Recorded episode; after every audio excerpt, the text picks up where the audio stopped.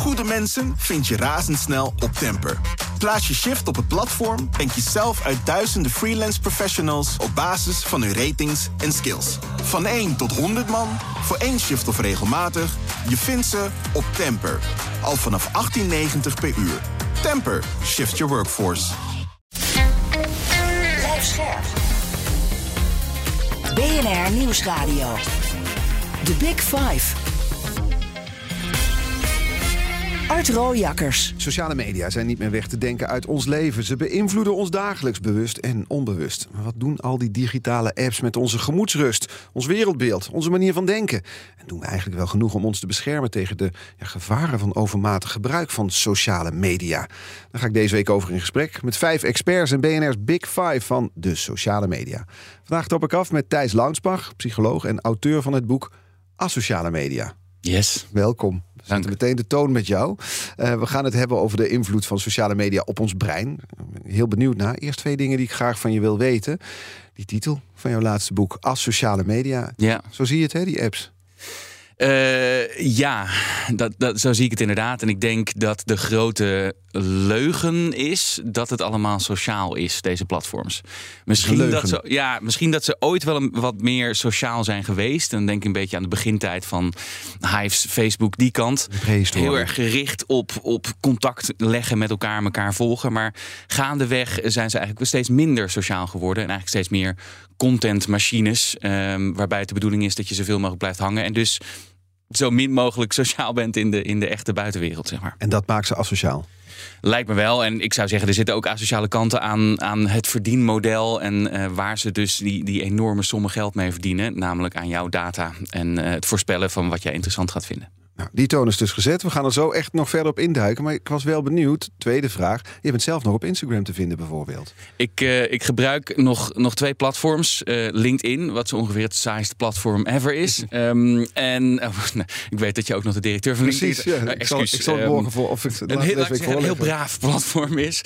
Um, en ik gebruik inderdaad ook nog Instagram. Um, en dat, is, dat doe ik niet meer zelf. Daar zit ik niet meer zelf achter. Dat doet iemand anders voor mij. Want? En, ja, omdat ik net zo verslavingsgevoelig ben als heel veel mensen. Uh, dus ook op het gebied van Instagram. Je vond je eindeloos scrollend terug nou, Als die app op mijn telefoon staat, dan, dan ben ik minstens een half uur per dag uh, doelloos aan het scrollen. Uh, onbewust. En dat is iets dat ik, dat ik niet meer wil. Aan de andere kant, ik vind het ook belangrijk dat deze boodschap daar wel gehoord wordt. Mm -hmm. Dus ik zou wat dit betreft mezelf een beetje in de voet schieten als dat niet daar te horen is. Um, dus ik zit er nog wel op om deze boodschap te verspreiden. Maar met heel veel twijfels en heel veel aarzeling zou ik het liever anders zien. Ja, maar er is geen andere manier misschien om die boodschap ook te kunnen verspreiden? Nou, ik maak me gewoon wel zorgen over die groep die echt heel veel last heeft van sociale media voor hun mentale gezondheid. Wie is ja. die groep? Um, nou, ik, ik zou zeggen, de, de, er is een, een flink onderscheid te maken tussen, tussen wat sociale media met de grote groep mensen doen en wat het met een select groepje doet. Um, dus ik denk dat, er, dat we sowieso als, als doorsnee gebruiker best wel, nou ja, dat het wat negatieve effecten kan hebben op onze mentale gezondheid. Hè. De huistuin- en keukendingen zijn net even iets langer zijn, aan het scrollen zijn dan je eigenlijk wilde. Of uh, belangrijke dingen in je leven missen omdat je ondertussen naar je scherm aan het kijken bent. Uh, of of, of het, het, het, het knagende gevoel dat je leven niet leuk genoeg is, omdat je dat vergelijkt met andere mensen die je ziet op je, op je tijdlijn. Allemaal een hoogtepunt op Instagram delen, waardoor je denkt: mijn leven is zo saai. Ja, precies. Dus dat zijn, dat zijn de huistuin- en keuken uh, ongemakkelijkheden van sociale media, waar we bijna allemaal last van hebben, zou ik maar even zeggen. Maar er is een, een groep um, die gewoon wat meer last heeft van sociale media. Uh, en we weten ook uit onderzoek dat dat voornamelijk de jongere gebruikers zijn en voornamelijk de groep meisjes daarbinnen. Um, en dan voornamelijk de, de mensen die redelijk vroeg zijn begonnen met sociale media in hun leven. En ze een aantal uren per dag, hè, een beetje de grootgebruikers zijn van sociale media. Ik ben een vader van twee dochters, een tweeling. Ja. Die zijn inmiddels bijna zeven. Dus ik wil hier straks uitgebreid de tijd voor, ne Zeker. voor nemen. Want ik, ik, maak me daar zorgen om, zoals je ja. zult begrijpen. Eerst die grote groep even mm -hmm. samen nog ingaan. Want die, die invloed van sociale media op ons allemaal is groot. 95% van alle jongeren heeft, de hele bevolking heeft een vorm van sociale media. is jouw inschatting, toch? Uh, ja, ik geloof 99% van alle jongeren en iets van 82% van, van de gehele groep. Ja, dus dan zou je kunnen zeggen, de groei op dat vlak is eruit. Ik denk het wel, ja. ja dus je, je, waar, waar sociale media zich over het algemeen op richten, is wat je noemt het netwerkeffect. Dus je probeert zoveel mogelijk mensen op die platforms te krijgen. Want hoe meer mensen daarop zitten, hoe groter de kans dat de andere mensen er dan ook nog op komen. Mhm. En hoe meer mensen er in totaal op zitten, hoe kleiner de kans dat je er ooit nog afgaat. Want dan sluit je je af voor de rest van de gemeenschap. En dat doen we als mensen niet graag. Nee. Eh, Dus psychologisch allemaal heel logisch wat je nu beschrijft. ja, ja, precies. Dus het is, het is allemaal groepsgedrag, zou ik zeggen. En, en waar deze sociale media zo ontzettend goed in zijn, is een, onze hele menselijke neigingen, onze menselijke behoeftes eigenlijk hacken. Hè? Dus eh, dat we graag gezien willen worden door anderen, of erkend willen worden door anderen, of leuk gevonden willen worden door anderen. En dat we ons eh, graag vergelijken met andere mensen om te bepalen hoe goed we het doen. Dus Nou, hoe is meer dat- ja. hartjes en hoe meer likes, hoe beter, hoe gelukkiger we onszelf maken. Eh, ja, zeker. Dus, dus er, zijn, er zijn eigenlijk verschillende mogelijkheden. Verschillende, het is- ik zou zeggen, de verschillende platforms gebruiken op een andere manier onze hersenen. Maar wat je ziet op een platform als Instagram is dat het daar wel heel erg over gaat. Om eh, erkenning krijgen van de grote groep over hoe leuk je leven eigenlijk is. Het lastige daaraan is, is dat die levens van anderen die je daar ziet allemaal veel leuker lijken. Die lijken succesvoller en mooier en aantrekkelijker en een veel leuker leven te hebben. Waardoor je over je eigen leven denkt, ja, eh, het, is eigenlijk niks. Zit ik hier weer op die Ehm, bank? Ja, precies. Ik, heb- ik heb maar een heel normaal leven en wat ben ik nou waard? Zeg maar, terwijl je het waarschijnlijk hartstikke goed doet. Eh, maar toch die vergelijking die maakt dat je zelf negatief uit de bus komt. Zeg maar. dat, is, dat is een van die dingen die op Instagram veel speelt. En toch is het onweerstaanbaar. Ik kwam een eh, Mhm. stuk tegen van jouw hand in eh, NRC, dat was in juni vorig jaar. Daarin noemde je cijfers. 87% van de mensen checkt de telefoon als laatste voordat ze gaan slapen. Ja. 67% van de gebruikers pakt meteen nadat ze wakker worden de telefoon. Ja. Met andere woorden, we gaan ermee naar bed. We staan ermee op nog voordat we onze partner zien of de laatste kus geven. Ja, precies. En volgens mij iets van 12% van de mensen gebruikt de telefoon ook onder de douche. Die vond ik ook nog wel interessant. Hoe doe je dat dan? Nou, die zijn waterdicht tegenwoordig, Oh, dus dat kan gewoon. Ehm, maar, maar klopt, hè? Dus, dus we zijn tegenwoordig met de aandacht die we hebben voor de wereld, moeten we concurreren met de aandacht die we hebben voor onze telefoon. En dat is, als je het dan hebt over de, de huistuin- en keukenongemakken voor de grote groep, dan is dat er bijvoorbeeld ook eentje. Hè? We moeten nu onze aandacht verdelen tussen onze partner, bijvoorbeeld onze geliefde, eh, en onze telefoon. Die we net zo verliefd bekijken als onze partner eigenlijk. Hè? Ehm, of, of we moeten onze aandacht verdelen tussen Instagram en, en eh, het gesprek dat we voeren met onze kinderen bijvoorbeeld. Hè. Dus, dus we zijn voortdurend door dat hele intrigerende platform ehm, eigenlijk onze aandacht aan het verdelen. Of dat neemt aandacht weg voor die dingen die we eigenlijk, eh, waar we eigenlijk aandacht voor moeten hebben. En zijn wij, de gemiddelde burger, zijn we weerloos in die zin? Dus is het zo dat, want jij bent Mhm. dus eh, afgekikt, zou ik willen zeggen. Hè? Het is jou gelukt om die brug over te steken. Maar de, de gemiddelde Nederlander is weerloos tegen de druk van die sociale media... door alle nou ja, trucs die erachter zitten om ons verslaafd te maken? Nou ja, ik, ik, ik wil mezelf geen heilig boontje maken. En ik ben net zo verslavingsgevoelig als, eh, als menig andere. Dus vandaar moet ik ook heel bewust afkicken. eh, zoals je zegt. Ehm, maar dat heb ik dus wel gedaan. Omdat ik misschien door onderzoek dat ik heb gedaan. Wat, wat bewuster ben van de gevaren ervan. Maar ik denk wel, om op je vraag terug te komen. dat het succes van deze platforms heeft natuurlijk ook te maken met hun vermogen om ons bewust en ons onbewuste gedrag te sturen. En dan met name het onbewuste gedrag. En we komen onget- ongetwijfeld te spreken over wat kunnen we er nou aan doen. Ik zou zeggen, de grote misvatting is dat we met deze platforms moeten omgaan door wat meer discipline te hebben of ze maar verstandig te gebruiken. Want het lastige aan deze platforms is dat juist je onbewuste eh, beïnvloeden. Ehm, Hoe doe je dat? Nou, ik heb momenten gehad toen ik Instagram nog op mijn telefoon had. ehm, eh, dat ik eh, af en toe een moment op mijn dag had dat ik dacht: Oh, blijkbaar ben ik nu mijn Instagram aan het scrollen. Daar had ik dan niet zelf voor gekozen. Dat was gewoon onbewust gedrag. Gebeurt, ja. En toen ik het eraf gooide, toen ging ik nog steeds met mijn telefoon hè, dus naar, naar het mapje waar Instagram in zat. Om, om zeg maar, hè, dus die beweging, die onbewuste eh, Ja. gewoonte, die zat er nog steeds in. Fantoompijn heet dat volgens mij. Precies, en dat, dat, is, dat is hoe ze je pakken, eigenlijk zou ik zeggen. Niet, niet zozeer met je bewuste ged- van ik ga nu eens eventjes op, op mijn eh, social media zitten, maar juist met je onbewuste geest. Hè, dus die momenten dat je je even ongemakkelijk voelt, of even verlegen voelt, of eh, je even geen houding weet te vinden, of je even verveelt. Dat zijn de mo- momenten dat je automatisch er naartoe gaat en te gaat scrollen. Ehm, en dat, dus- dat is eigenlijk veel belangrijker, denk ik, dan de bewuste Ja. kant. Dus heb jij wel heel bewust die apps van je telefoon afgezet. Haalt, ervaar je nu meer... Ja, wa- wat ervaar je voor verandering? Ik merkte wel dat dat heel veel rust geeft of heel veel ruis scheelt. Kijk, je gaat vervolgens natuurlijk gewoon die, die, die tijd weer invullen met iets anders. Dus ik lees heel veel de krant nu op mijn telefoon, zeg maar. Ehm, eh, maar laten we zeggen, ik, ik was ook wel vatbaar voor ehm, het gevoel, hè, dus dat jaloerse gevoel van Mhm. andere mensen hebben een leuker leven. Eh, dat, ik mijn, dat ik mijn Instagram open en dat ik dacht van ja, die andere auteur, waarom zit hij wel bij op één en ik niet? Weet je wel, dat, die, die jaloezie. zit nu bij. BNR Thijs. Ja, Zou- weet ik ook wel. Vandaag kun je posten. Vandaag mag ik, eh, mag ik trots zijn op mezelf. Ehm, maar eh, dus, hè, dus ik, was, ik was ook heel erg gevoel- eh, gevoelig voor dat jaloerse, jaloerse gevoel. Dat is herkenbaar. Wat, wat, wat heel erg natuurlijk met Instagram te maken heeft. Ik bedoel, een, een platform als X of Twi- hè, het, het, het, het hu- het huidige Twitter, zeg maar. Mhm. ehm, dat heeft weer een hele, heel ander gevoel. Dat gaat meer over je boosheid triggeren, zeg maar. Hè? Als ik daarop aansluit, want dat is natuurlijk ook weer een manier zoals de, waarop we beïnvloed worden. Met veel, op X is dan veel negativiteit hè, die dan, en het nieuws dat op een lelijke manier bij je binnenkomt. Ja. En dat brengt ons bij de kettingvraag. Want veel mensen krijgen een groot deel van het nieuws binnen volgens sociale media. Er zitten dan ook wel onheilspellende berichten tussen over de toekomst van de aarde. Ja. Afgelopen eh, vrijdag was de gast Anne Kervers. Extinction Rebellion hoort ze bij. In een week waarin Diana Matroos in gesprek ging met vijf gasten die nou, een maatschappelijke of politieke rol vervulden, in, ook in dit jaar. En ze had deze vraag voor jou, een kettingvraag. Ik denk dat klimaatemoties dat dat iets is waar meer aandacht voor zou moeten zijn. Dat bijvoorbeeld een deel van de weerstand is ook heel begrijpelijk, maar is misschien gedeeltelijk ook een copingmechanisme wat we echt kunnen oplossen als we daar ja, een beetje een maatschappelijke therapie eigenlijk voor ontwikkelen.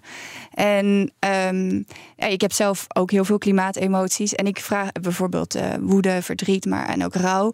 En ik vraag me af wat zijn klimaatemoties zijn en hoe hij daarin voor zichzelf zorgt. Hmm. Ja, mooie vraag. Ehm, ik, ik, ik, ik herken me wel in de vraag. Ehm, ik voel ook van alles bij het nieuws dat ik, eh, dat ik zie over, eh, over klimaatverandering en, en, en nog, in het, nog breder, laten we zeggen, het wel en wee van de wereld. Ehm, mijn klimaatemoties zitten, en ik denk dat dat voor veel mensen geldt, veel in de schaamtehoek. Dus een schaamte over eh, dat ik auto rij, of dat ik te lang douche, of dat ik eh, wel eens vlees eet. Weet je, die, die kanten. Ehm, en schaamte is, is nou net een hele vervelende emotie. In de zin van dat het op jezelf betrekking heeft. Het geeft jezelf een rotgevoel. Eh, maar ondertussen ga je gewoon door met, met hoe je het altijd deed. Maar dan met een, met een rotgevoel. Ehm, en ik denk ook dat klimaatangst misschien niet zo heel erg ehm, eh, functioneel is in deze. Ehm, dus als we het nou hebben over klimaatemoties, wat ik vaak nog een beetje mis, ik hoor het tussen haar wel zeggen, maar is klimaatwoede. Een woede die zich richt, hè, die, die eigenlijk een activerende, energiegevende emotie is. En die zich richt op waar het probleem daadwerkelijk moet worden opgelost. Ja. Namelijk met beleid of met een verandering van het, van het systeem. En niet zozeer met, met je moeten schamen voor die individuele keuzes die je maakt, lijkt mij. Is ook belangrijk natuurlijk, maar ehm, ja, dus ik zou zeggen, als je het hebt over klimaatemoties, dan vraag ik me dus af welke emoties en welke zijn nou functioneel en welke niet. Art Rojakkers. Met vandaag de gast psycholoog Thijs Launsbach. We hebben het over sociale media en zijn woorden asociale media. En we hadden het al over de vraag of iedereen even kwetsbaar is voor die invloed van sociale media. Zei je al, nou, eh, de grote groep heeft daar ongemakken van, maar er is een specifieke groep die ervaart daar meer problemen door. Ja. Dan wees je naar jongeren en met name meisjes. Ja, dus er is over de hele bevolking best een groep die er meer last van heeft. En dat zijn ook de mensen vaak die, die, die misschien ook wat vatbaarder zijn voor, voor mentale gezondheidsproblemen. Eh, of die al wat minder lekker in hun vel zitten en dan bijvoorbeeld dat, dat proberen op te vullen of te ontsnappen met, met dit soort platforms. Ehm, maar we weten ook uit cijfers dat met name dus die jongere groep hier helemaal vatbaar voor is. Wat zijn de Ehm, problemen die zij ervaren?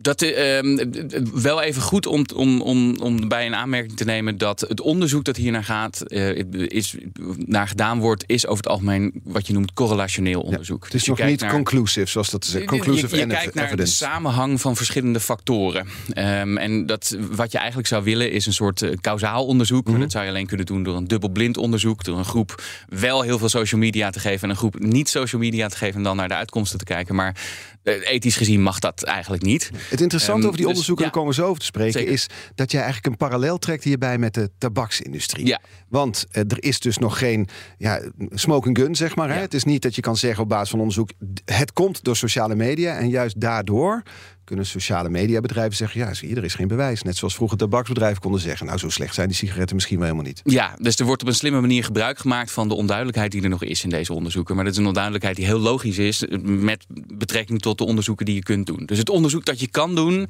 wat ook veel gedaan wordt, is naar de samenhang van verschillende, verschillende dingen, van verschillende factoren. En dat wijst toch allemaal in een bepaalde richting. En dan zie je dus een samenhang tussen heel veel en heel flink intensief gebruik van sociale media en een verhoogde kans op depressie, angststoornissen, eetstoornissen, uh, zelfbeeldproblemen, lichaamsbeeldproblemen. Een, beetje die, die kant. Ja, ik ga nog even door wat ik dan lees. Eenzaamheid, moeite met concentreren, motivatieproblemen, noem maar op en zo. Ik las een opiniestuk van je in juni ja, vorig jaar, waar het dus allemaal in terugkwam. Exact. En ik als vader van dochters dacht, mijn god. Ja, dus ik, ik, nou, dan is dat precies de bedoeling geweest van, van dat stuk. Want dit, dit is iets waar we ons uh, ernstige vragen over moeten stellen. Nogmaals, zeker niet voor iedereen. Het goede nieuws is dat de grootste groep mensen er redelijk goed mee om kan gaan. Die ongemakkelijk daar gelaten waar we het mhm. eerder over hadden.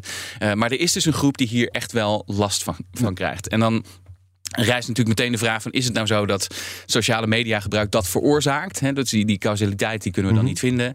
Um, Deels. Hè, dat is een van de logische soort van verklaringen. Maar je zou ook kunnen zeggen: als je al wat minder goed in je vel zit, dan zul je waarschijnlijk ook wat meer gebruik maken van sociale media om dat proberen op te lossen. Wat niet lukt, want je krijgt er alleen maar een groter rotgevoel van. Uh, maar dat is wel een soort van even een, een, een kanttekening die we moeten plaatsen daar. Maar inderdaad, we zien dus een samenhang tussen een aantal van die, van, van die mentale problemen en veelvuldig en veel intensief gebruik van sociale media. Ja, want recente onderzoeken naar mentale gezondheid van jongeren laten zien dat die al jaren uh, achteruit gaat. Ja. Uh, vorig jaar was er dus ook weer zo'n onderzoek waarin dat naar buiten kwam. En dan zeg je, ja, er is dus geen kausaal verband. Nee. Maar er is misschien wel een, uh, nou ja, een, een, samenhang tussen die twee. Want je ziet het vanaf 2014, zie je het aantal angststoornissen, depressie bijvoorbeeld flink toenemen, toch? Ja, zeker. Um, en, ja, dus, en dat heeft natuurlijk met veel verschillende dingen te maken. Het zou heel makkelijk zijn om te zeggen... ja, dat heeft allemaal te maken met sociale media voor 100%. En dat is natuurlijk niet zo. Er zijn best een aantal van die factoren aan te wijzen. Eentje is bijvoorbeeld uh, uh, toegenomen onzekerheid onder die groep. Uh, bestaansonzekerheid, geen huis kunnen kopen, et cetera. Die, die kant. Je zorgen maken om de staat van de wereld. nou, de, de, de klimaatemoties waar we het net om, mm -hmm. over hadden. Prestatiedruk. Al dat soort dingen spelen mee. Uh, maar ja, ik kan me toch echt niet aan de indruk onttrekken dat het ook te maken heeft met de manier waarop we, onze, waarop we technologie gebruiken en de plaats die dat heeft ingenomen in het leven. Want dat is natuurlijk wel fundamenteel veranderd ten opzichte van 10, 15 jaar geleden. Zeker 2014, dat is ongeveer de periode waarin jongeren en masse een, een, een, smartphone kregen. Uh, ja, ja, en een beetje, ja, het is die, de tijd van, van Facebook, zeg maar. Hè? Dus de, het hoogtij van Facebook, wat, wat nu onder jongeren natuurlijk helemaal uit is. Daar zit niemand meer op. Maar, nee. um, je tante nog, toch? Uh, ja, precies. Um, maar ik, ik, ga niet al te veel onaardige dingen zeggen over specifieke platforms. Heb ik nu geleerd van de intro die we, die we net opnamen. Maar um, uh, ik denk, ja, dus ik denk dat het ook alles te maken heeft met het feit dat we gewoon uren en uren per dag naar onze sociale media kijken. Mm -hmm. Want als je kijkt naar de cijfers, dan uh, volgens mij is het dus de, de millennials, een beetje mijn generatie, en, en de, de, de twintigers en dertigers mm -hmm. van nu, zitten volgens mij op ongeveer 2,5 uur per dag sociale media de generatie Z die daar dan onder zit,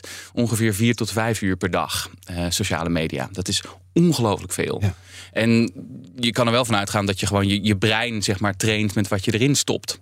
Dus als dat uh, uh, huiswerk maken is, dan is dat waar je brein heel goed in bent, nieuwe dingen leren. Maar als dat vier, vijf uur per dag TikTok is, dan is dat waar je brein heel goed in, ja. in wordt. En dat is dus de generatie die nu op de middelbare school zit. Er ja. worden dan discussies gevoerd. Moeten we smartphones nou verbieden in de klas of niet? Ja. Dat gebeurt dan. Mm -hmm. Goed, ik had dit weekend een gesprek met een vriendin van me... die een, een dochter heeft die nu in de tweede zit van de middelbare school... heeft een laptop, want ze krijgen allemaal op laptoples... waar dan tabbladen openstaan met TikTok met Insta, ja. met WhatsApp. Dus ja, in hoeverre je dan nog kan concentreren, is ook maar de vraag natuurlijk. Zeker. En een, een smartphoneverbod waar, waar ik dus best wel heel erg voor voor ben. Er is overigens een verschil tussen een smartphoneverbod in de klas en op school. Hè. Dat, dat, misschien kunnen we het daar ook nog over hebben, maar dat, dat is nog wel een fundamenteel verschil. Maar het is natuurlijk niet, het gaat niet alles oplossen. Het is één van de maatregelen die je kunt nemen. Um, uh, maar het is niet het enige dat, dat moet gebeuren. Zeg ja, als ik aan mezelf terugdenk, toen ik een jaar of 13, 14 was en ik in een klas zou zitten met voor me een scherm waarop ik voortdurend afleiding zou hebben, zou ik nooit die saaie geschiedenis of Nederlands les hebben gevolgd. Nou ja, het lastige is dus dat we nu in de situatie zitten. Daarom is zo'n smartphoneverbod in de klas denk ik ook zo'n goed idee. Ehm, dat, je, dat je als. eh, dus je, je, je moet gewoon je aan, voor je aandacht concurreren tussen wat er wordt gezegd door de docent en je telefoon, waar, waar wat. wat nou ja, laten we zeggen, het meest fascinerende, meest intrigerende apparaat is dat we ooit hebben gemaakt, dat de hele tijd in je zak zit. Ja, dat is een ongelijke strijd.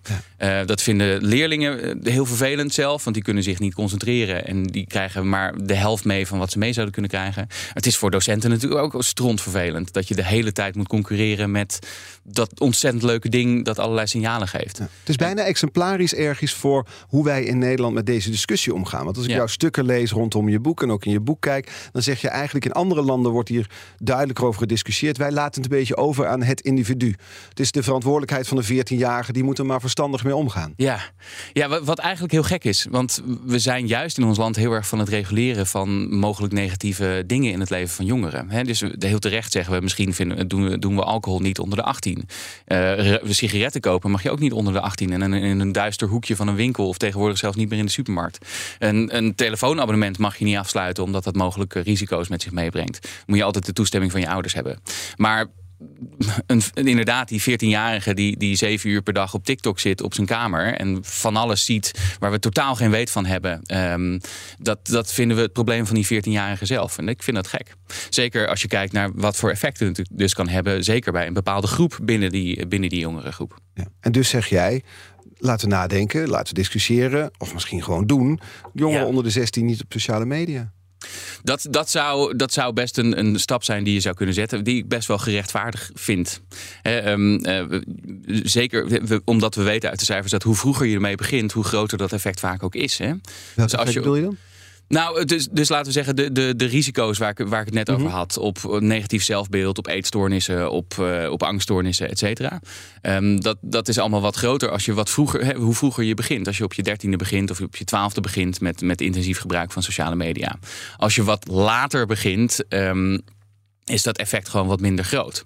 Dus ik zou zeggen, in die zin ook wel te rechtvaardigen om, om misschien tot een bepaalde leeftijd die, die sociale media niet te doen. Dat is altijd de vraag, hoe doe je dat? Want je kan gewoon een andere geboortedatum invullen. Maar je zou natuurlijk wel, en dat, ik denk dat dat op Europees gebied moet gebeuren, maar je zou natuurlijk wel een soort systeem kunnen bedenken waarbij je ehm, op de een of andere manier je leeftijd moet verifiëren. Zoals je, als je nu een bankrekening opent, moet je ook een centbetaling doen vanaf een andere rekening die gekoppeld is aan jouw identiteit. Want dan weten ze namelijk wie je bent. Ja. Eh, banken hebben hele strenge eh, know your customer rules. Ehm, iets dat we, dat we ook sociale media platforms niet vragen te doen. En dat zou natuurlijk wel kunnen. Ja, en dat zijn dan de praktische oplossingen. Maar wat het oplost is dat doordat je jongeren minder vroeg blootstelt aan sociale media, ze er later verstandiger mee om kunnen gaan. Ja, dus je, je mist gewoon in een vrij cruciale fase van de ontwikkeling een, een potentieel behoorlijk negatieve eh, factor. Ehm, en we weten dat dat gewoon echt best wel heftig kan zijn. Er is wat onderzoek gedaan vorig jaar, bij mijn weten, van RTL en de Groene Amsterdammer. Die hebben gekeken naar als je nou zoekt op ehm, eh, gezonde voeding bijvoorbeeld, of, of sportgerelateerde filmpjes op TikTok. Hoe snel kom je dan bij eetstoornis gerelateerde content uit? Hè, bij, bij dingen die, die ehm, een, een, een, een, een onrealistisch slank of onrealistisch gespierd lichaam verheerlijken, zeg maar. En hoe lang duurt het? Nou, je komt eh, mogelijkerwijs al binnen drie of vier filmpjes daar terecht. Ja, ja. En dat betekent niet dat iedereen die dat ziet natuurlijk een eetstoornis ontwikkelt of orthorexie krijgt. Of, maar wel dat een deel van de mensen zich daar wel behoorlijk door laat inspireren. En dat laat kleuren hoe ze naar hun eigen lichaam kijken. We praten zo verder met psycholoog Thijs Launsbach over de grote techbedrijven achter de sociale media en de manier waarop ze ons brein manipuleren. Blijf luisteren. Welkom bij Tweede Half Uur. Deze week vijf experts over ons gebruik van sociale media en ook de gevolgen daarvan. Later deze week praat ik nog met Diane de Vries, is hoofddocent digitale vaardigheden aan de Hogeschool Utrecht, onder andere over schermverslavingen onder jongeren. Vandaag de gast Thijs Launsbach. Komend half uur wil ik graag twee onderwerpen sowieso nog met je bespreken. Namelijk jouw visie voor een verantwoorde toekomst van sociale media en het aanpakken van grote techbedrijven. Dus met dat laatste beginnen, want je bent, ehm, nou, we hebben dat eerste half uur besproken. Je bent vrij fel in jouw oordeel over die techbedrijven achter sociale media, hoe ze ons bewust en onbewust eh, beïnvloeden. Ja. Nou zou je kunnen zeggen, ja, dat is ook een, een businessmodel. Of is het kwalijk hun, hun rol in het verslavend maken van hun apps? Uh, ja, het is beide. Het is een businessmodel, een heel lucratief businessmodel. Maar dat businessmodel is, is gebaseerd op het onttrekken van waarde aan ons. Uh, en het claimen van aandacht. Um, ik moet misschien even een onderscheid maken. Kijk, waar ik me in mijn boek voornamelijk boos op maak, is een, is een vrij specifieke groep sociale platforms. Mm -hmm. Daar vallen dus ook een hele hoop dingen buiten. Ja, maar je bedoelt dan Facebook? ja, dus ik, Meta, ik ben bezig inderdaad met, met, met Facebook en, en Instagram, die dan weer uh, eigendom zijn van Meta, die ook trouwens eigenaar zijn van WhatsApp, mm -hmm. uh, want dat is gewoon ook een fuik voor allerlei data uh, voor ze. Um, Twitter of het huidige X, um, TikTok, dat, dat soort platforms. Ja. Hè? Dus de platforms die heel specifiek... Die uren um, van onze dag opslurpen. Ja, die, die, die heel specifiek gericht zijn op zoveel mogelijk aandacht en tijd aan je onttrekken. Want dat is het spel dat er wordt gespeeld. En ik, ik omschrijf het in, in mijn boek ook inderdaad als een spel. En het belangrijke daarover um, om, te, om te snappen is dat jij niet de hoofdspeler van het spel bent. Um, jij bent eigenlijk niet de klant van sociale media platforms. Je bent het product. Uh, ja, dus dat is, dus de, die, die, die ijzeren internetwet is als jij ergens niet voor betaalt op internet, dan ben jij het product dat wordt verkocht. En in dit geval gaat het dan over jouw aandacht en over jouw data. Daar betaal je eigenlijk in. En het spel zit zo in elkaar dat je dus, he, de, een van de grote spelers is het platform. Die zorgt voor een grappige en leuke um, ervaring voor jou als degene die aan het scrollen is. En die maakt eigenlijk mogelijk dat jij zoveel mogelijk advertenties kunt zien. En die advertentieruimte, die verkopen ze. Dat is waar ze zoveel geld mee verdienen. En dat doen ze door onder andere door een model van jou te maken, heel veel dingen over jou te weten te komen en om, om heel goed te kunnen voorspellen wat jij interessant en leuk vindt en voor welke advertenties jij vatbaar bent. De andere speler is natuurlijk die adverteerder, die graag zo goed mogelijk en zo specifiek mogelijk een advertentie kan draaien, specifiek op jou gericht.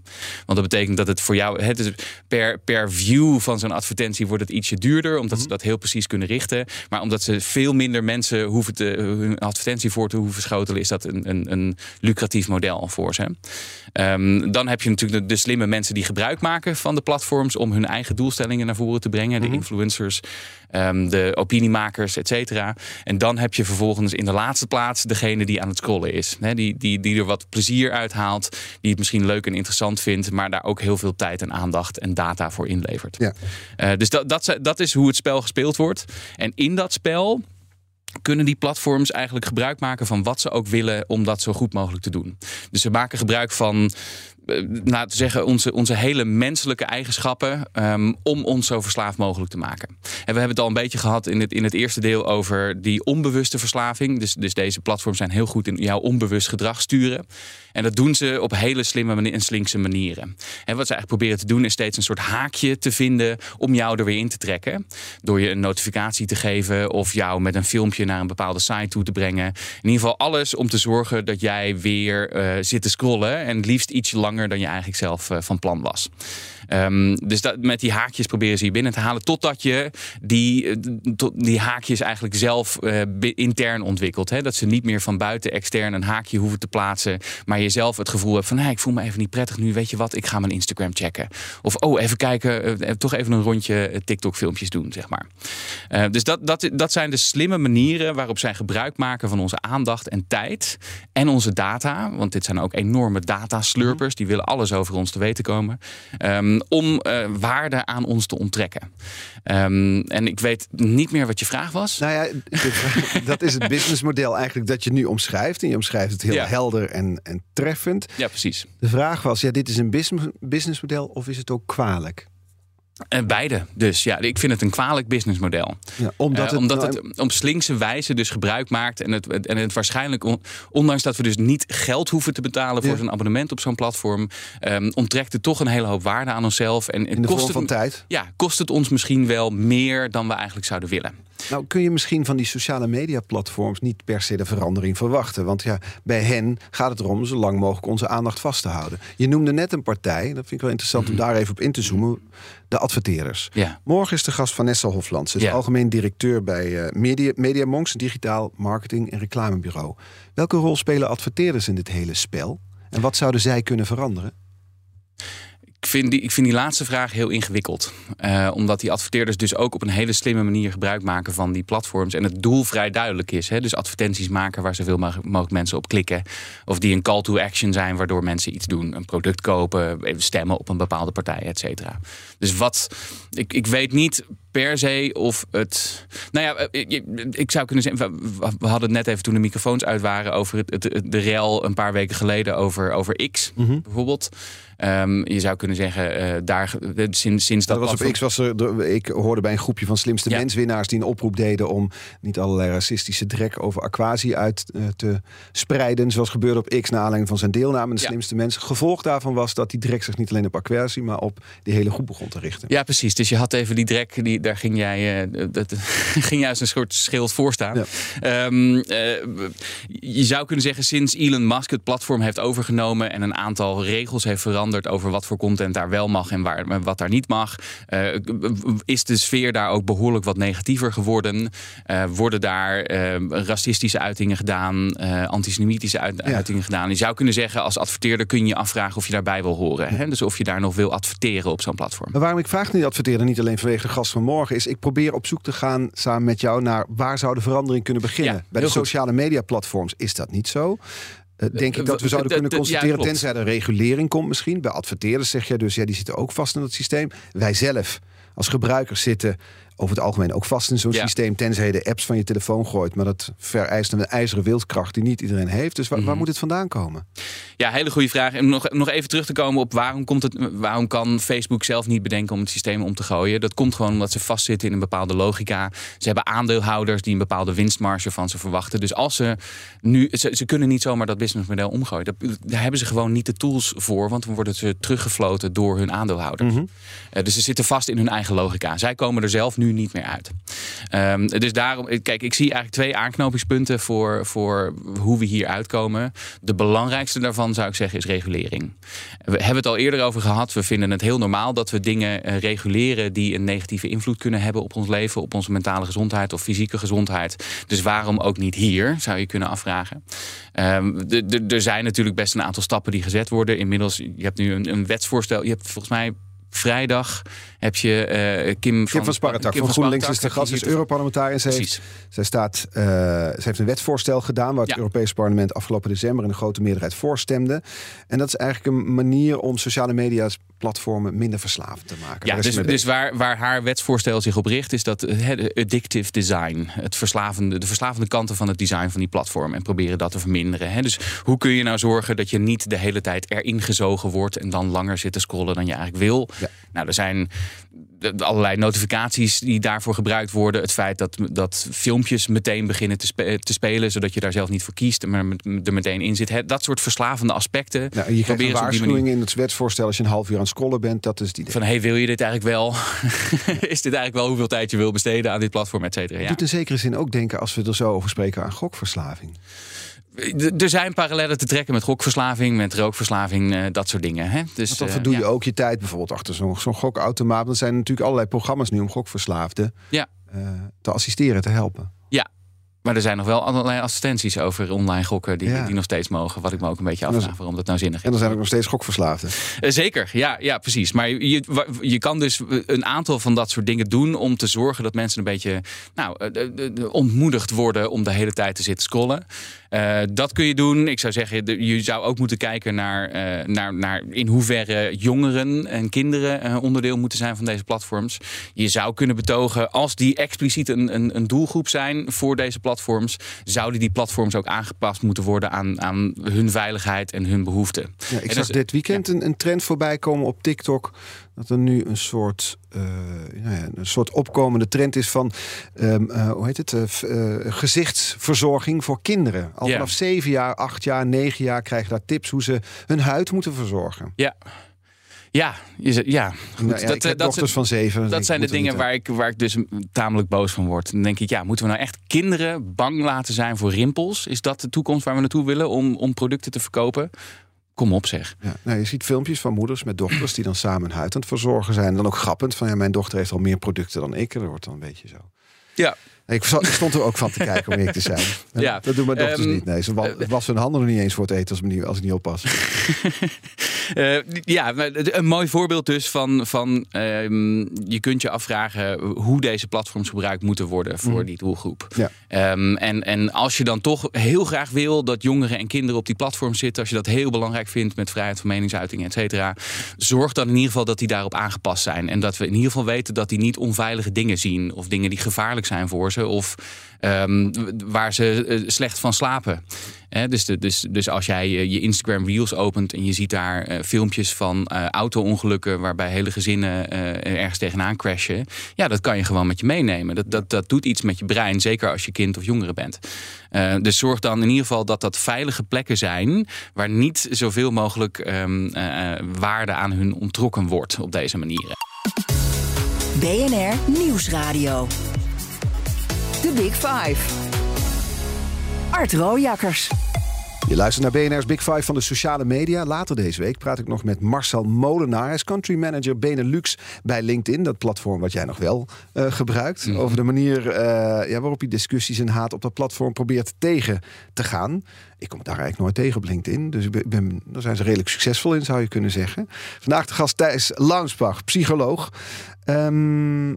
Ja, we hebben nu eigenlijk drie kwartier zo'n beetje in kaart gebracht wat de, de negatieve gevolgen zijn van sociale media. Misschien stappen we te snel over dat het ook leuk is heen. Want het he- brengt natuurlijk ook sommige dingen met zich mee. Ook voor jongeren, maar ook voor jou en mij. Die wel inspirerend kunnen zijn. Of waar je kennis vandaan haalt. Of gewoon wat entertainment, wat verstrooiing. Dus laten we daar misschien, misschien stappen we daar te makkelijk overheen. Alhoewel ik jou nu heel erg gesloten zie staan en denk, wat, wat is hij nu aan het doen? Ben je het gewoon niet mee eens? Eh, n- nee, ehm, heb, je, heb je natuurlijk eh, heb je gelijk in.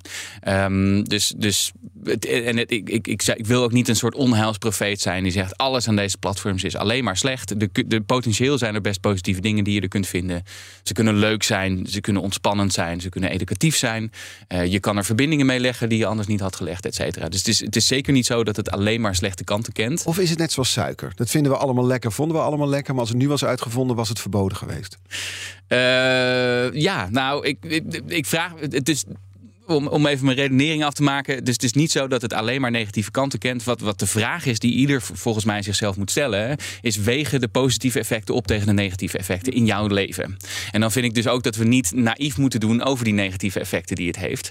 Eh, dus dat is meer de kant waar, waar ik op zit. Maar ik, ik, kan me voorstellen dat dat een beetje activistisch is. Maar dat komt dus omdat ik echt heel erg bezorgd ben over ehm, hoe deze platforms onze, ons brein beïnvloeden. Ja. Hoe, hoe hoop jij dan, als we, als we die negatieve kant dan toch bewandelen, hoe hoop jij dat. Kijk, nu is er een generatie die, wat was het, vijf uur aan sociale media besteedt. Ja, vier tot vijf uur, ja. eh, Generatie Z. Ja. De generatie die daaronder komt. Generatie Alpha wordt dat, neem ik Mhm. aan dan.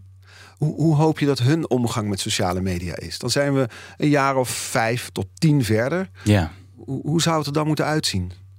Nou ja, aan de ene kant ehm, denk ik dat deze generatie al iets bewuster is van ook de negatieve kanten van het ook uit sociale eigen Ja, nee, dat, dat, begrijp ik heel goed. Ze zijn nu bijna Ja. zeven, dus over een jaar of vijf zijn zij eraan toe, mijn dochters. Eh, Ja, nee, zeker. En ik denk toen, toen, toen ik eh, 16, 17 was, eh, toen, toen was ik me echt wel minder bewust van de, van de gevaren van sociale media. Toen had je dan Hives en, en Facebook en die, die dingen. Ehm, en ik denk dat ik, levensgevaarlijk, die dansende banaantjes. Van Hives. Weet je nog? Ja, en het krabbelen en dat je, je kon Ja. iets doen met het scherm van de ander bewegen. Of Nou goed, weet ik niet meer. Ehm, maar eh, hè, dus als ik nu praat met jongeren van generatie Z, die zijn zich in ieder geval al wat meer bewust van de negatieve kanten ervan. Die zitten er nog wel in vast. Maar die zijn zich in ieder geval wat bewuster van, van het effect dat het kan hebben. Dus ik kan me voorstellen dat, dat, dat, dat, dat als er wat meer awareness komt hierover, als we wat meer maatschappelijke discussie hierover krijgen, dat ook de jongste generatie daar wat weerbaarder voor is. Dat is de ene kant van het verhaal. De andere kant van het verhaal is dat we dan vervolgens ook weer tien jaar verder zijn met hoe die sociale media platforms ons brein kunnen betrekken bij dingen. Dus daar nog slinkser, nog slimmer. En ik, ik weet niet wat, laten we zeggen, de, de, de AI-technologie gaat doen met ook hoe, af, ja, hoe sociale media-platforms ons brein beïnvloeden. Dus dat worden natuurlijk nog verslavender dingen. Eh, dus ja, misschien worden die, wordt die generatie nog wat weerbaarder, maar ze hebben ook wat, wat meer om mee te, mee te vechten, zou je kunnen zeggen. Dus ehm, wat dat betreft, ik, ik, ik, ik kan natuurlijk niet in de toekomst kijken, maar we hebben je ook wel me nu nood. iets aan. Je Sorry, nu sorry. Art. Ach, ik had gehoopt, misschien worden ze gewoon wijzer. Maar oké, hoe moeten ouders dan, die nu zitten te luisteren en Ja. nu pubers hebben of kinderen hebben die jonger zijn, Ja. of zelf veel op sociale media zitten, wat moeten we dan, wat, wat kunnen we toch doen? Ondanks dat we vastzitten in een systeem met een speler die veel slimmer is. Zeker als ze straks Ja. ook nog AI hebben dan wij. Maar wat, wat kunnen we wel doen? Ehm, even, even kijken hoor. Hier kunnen we denk ik beter een onderscheid maken tussen wat je zelf als volwassene kunt doen en wat je voor je, voor je kinderen moet Laten we doen. het laatste beginnen. laatste, hè? Eigen Ja, belang precies. is ook belang. Kijk, wat je niet kunt doen is, is behoeden dat ze ooit op deze platforms terechtkomen. Zo zit de wereld helaas niet in elkaar momenteel. Ehm, en ik, waar ik dus best wel voorstander ben voor een bepaalde minimumleeftijd voor dit soort sociale platforms, zitten we daar nog niet aan dat systeem. Dus je hebt te maken met het feit dat ze ermee in aanraking komen. Wat je wel kunt doen, is zorgen dat ze op de een of andere manier social media wijs worden. Ehm, hè, dus, eh, dat ze, dat ze eh, kritisch zijn op wat ze zien. Dat ze zich kritische vragen bij, eh, blijven stellen. Ehm, eh, dat, je, dat je ze helpt door te reflecteren op wat ze daar zien. Hè. Vind je het nou wel normaal, zo'n challenge die voorbij komt? Is dit eigenlijk wel zo grappig of zo leuk? Ehm, eh, wat is het gevoel dat je erbij krijgt? Dus in ieder geval zorgen dat ze, dat ze wat kritischer mediaconsumenten worden. Ehm, en wat je ook kunt doen is, is misschien zorgen dat ze niet bijvoorbeeld hun telefoon s'avonds mee naar hun kamer nemen. Want we weten dat het dan heel erg interfereert met slaap. En bovendien dat ook s'avonds je remmingen wat minder worden wat dat betreft. Dus die laat je wat, wat meer beïnvloeden door je telefoon. Omdat je nu eenmaal moe bent. Doordat je nou eenmaal moe bent en, en wat minder inhibitievermogen hebt en zo. En dan zit je automatisch wat, wat sneller te scrollen. Ehm, je kunt, wa- wat je kunt doen is ook een soort eh, in, in, in samenspraak met je kind ehm, idealitair een soort eh, maximum tijd afspreken. Van wat vind jij nou wenselijk? Wat vind jij nou normaal? Wat, wat zou je graag, wat zou de hoeveelheid tijd zijn die je er graag op doorbrengt? Dan komen er best wel zinnige antwoorden, zou ik zeggen, van, van kinderen en jongeren. Ehm, en dat is natuurlijk, vervolgens is dan de, de, de uitdaging om ze te helpen zich daar ook aan te houden, natuurlijk. Maar het begint met het gesprek dat je erover hebt. En het begint met je, je kind een, een kritische mediaconsument maken, zou ik zeggen. En dan het voorbeeld geven als volwassene door Ja. niet zelf tijdens het diner bijvoorbeeld op je telefoon te zitten. Waar ik mezelf wel eens op betrap, als Ja. ik heel eerlijk ben. Ja, bijvoorbeeld, hou dan, hou dan inderdaad gezamenlijke momenten, ook social media vrij. Zorg dat je niet de hele tijd het voorbeeld geeft van eh, papa zit wel eh, de hele tijd Ja. op Twitter of op Instagram. Ehm, en en hou, zet zelf je voorzorgsmaatregelen als volwassene in. Dus ik zou zeggen, een van de belangrijkste dingen die je kunt doen is zorgen dat je je social media niet meer op je telefoon doet.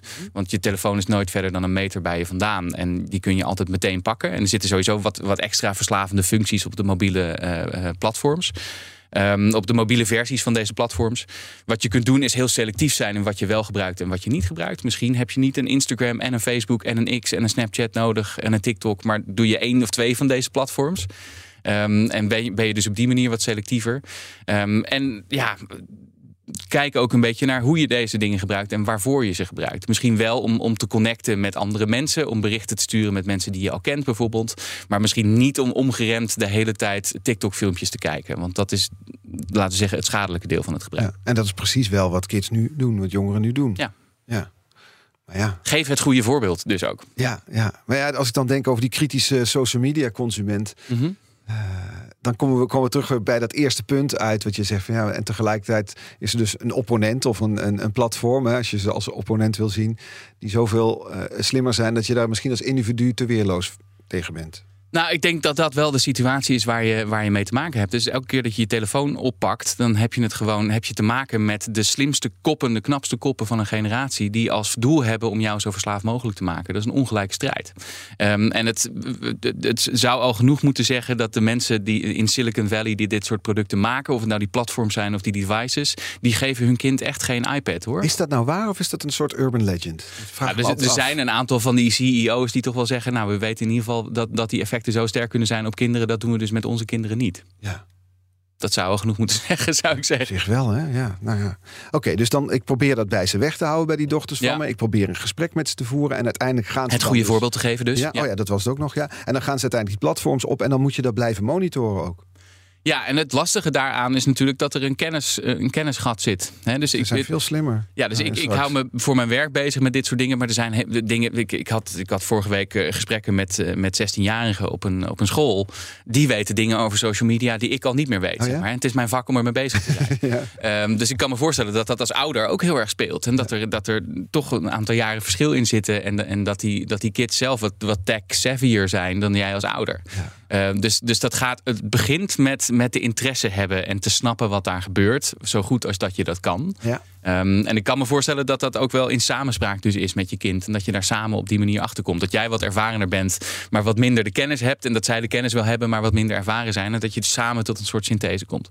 Als je nou iets langere tijdlijn neemt, hè, we, bedoel, als je nu naar series kijkt over de jaren 60, 70, dan struikel je over de sigaretten die in monden worden gestoken. Monden worden gestoken. Iedereen rookte. Ja. Dan zijn we nu over die golf, zijn we nu voor een groot deel heen. In ieder geval qua beeldvorming. Er wordt minder gerookt dan toen. Zal dit over 10, 15, 20 jaar ook zo zijn, denk je? Dat we toen dat we terugkijken naar deze tijd en dachten dat we onze kinderen hieraan blootstelden?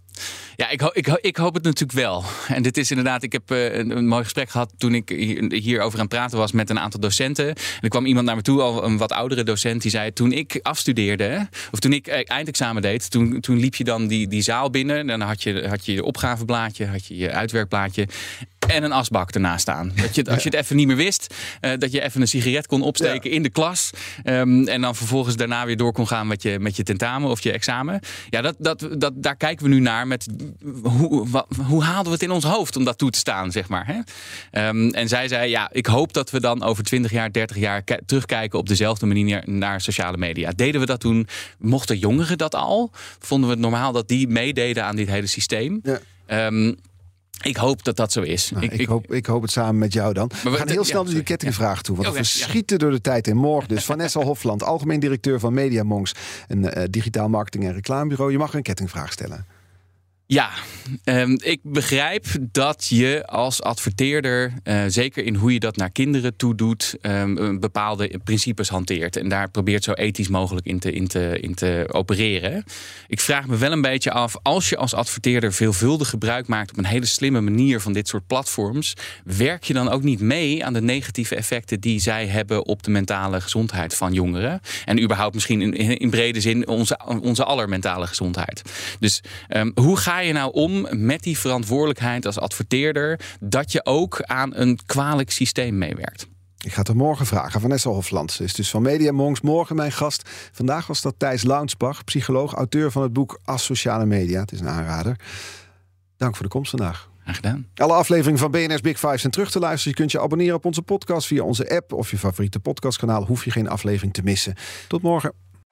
Goede mensen vind je razendsnel op Temper.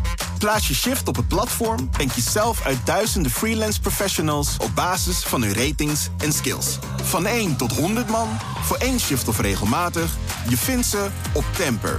Al vanaf 18,90 per uur. Temper, shift your workforce.